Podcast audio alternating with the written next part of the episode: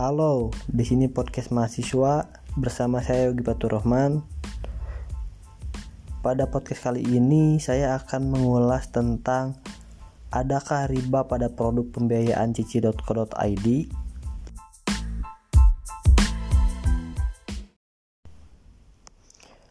Oke, kenapa uh, pada podcast kali ini saya mengulas tentang adakah riba pada produk pembiayaan cici.co.id karena yang pertama itu saya ambasador cicil.id yang kedua kebetulan kemarin banyak teman-teman ambasador dan user juga yang menanyakan apakah riba atau tidak? gitu produk pembiayaan cici.co.id ini. Mungkin bagi beberapa teman ambasador ini cukup membingungkan untuk menjawab dan mungkin juga bagi teman-teman user atau calon uh, pengguna cici.co.id uh, apa namanya cukup uh, khawatir juga gitu untuk memakai produk cici.co.id ini atau memakai uh, pembiayaan dari cici.co.id ini.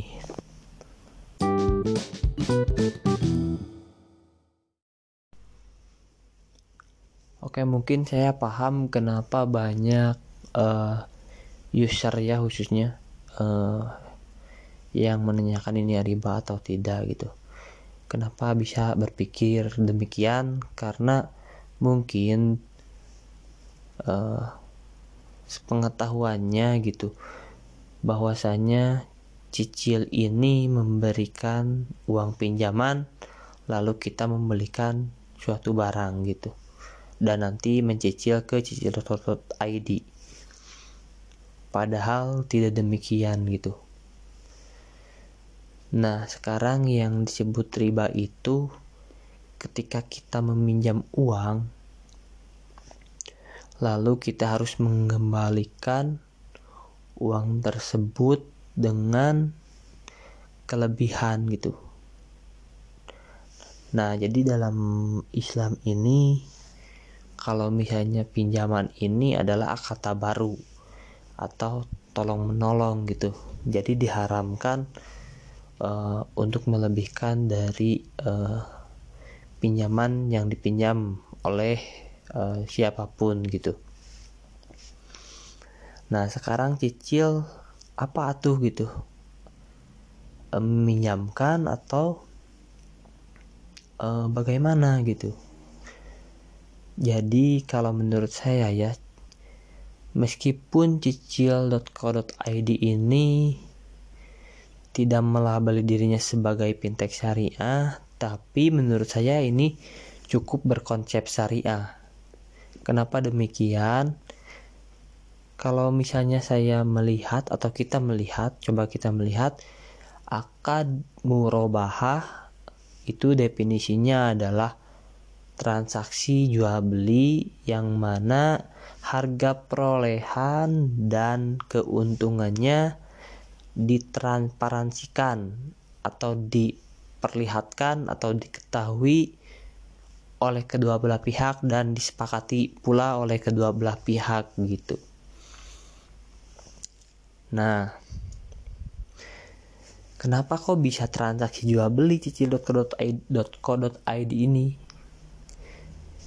Karena gini,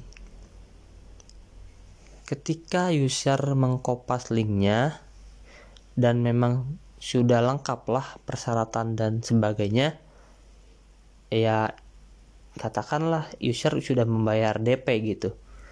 Nah, cicil ini kan tidak meminjamkan uang, tidak memberikan uang kepada user, tapi cicil membelikan barang melalui e-commerce ataupun uh, ya e-commerce gitu e-commerce pilihan dari user tersebut yang sesuai linknya dan membelikan barang di sana gitu. Nah, ketika cicil membeli barang di sana, secara otomatis barang ini milik cicil.co.id dong. Nah, setelah itu barang dijual oleh cicil.co.id ke uh, ke user gitu.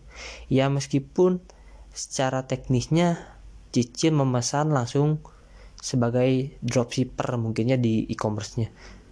Secara teknisnya seperti itu tapi secara apa ya secara logikanya ya Cici kan membeli dulu gitu. Membeli dulu lalu dijual lagi kepada kita dengan uh, metode pembayaran angsuran gitu.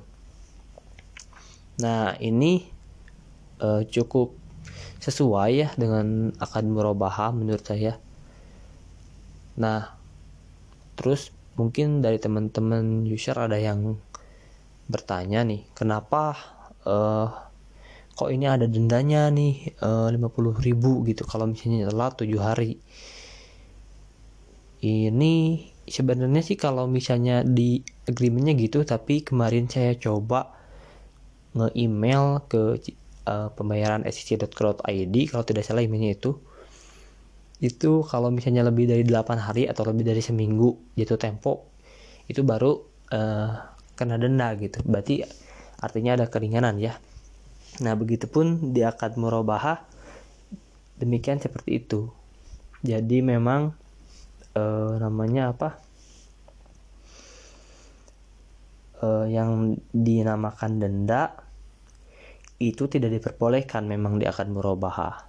Tapi bisa saja dibolehkan ketika memang uh, user atau nasabah user untuk cicil user itu memang lalai gitu dalam pembayaran. Jadi artinya yang denda ini untuk mendisiplinkan dari eh, apa namanya dari user itu sendiri gitu.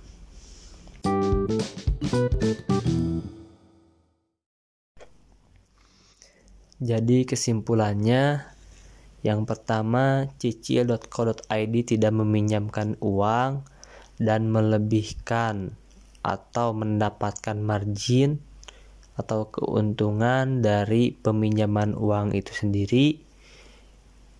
Yang kedua, cicil.co.id menurut saya berdasarkan akad murobaha ini sesuai yaitu di mana penjual memberitahukan kepada pembeli mengenai harga perolehan dan margin atau keuntungan yang akan diperoleh oleh uh, pem, uh, pem, penjual.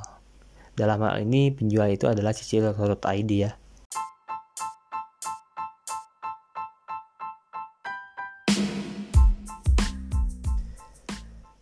Mungkin sekian ulasan singkat mengenai adakah riba pada pembiayaan cicil.co.id ini.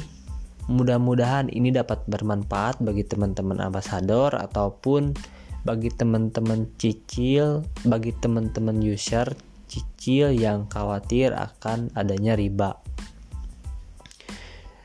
Saya Yogi Fatur Rahman, pamit undur diri. Mohon maaf apabila ada kata yang tidak tepat. Mohon ampun apabila ada kata yang tidak santun.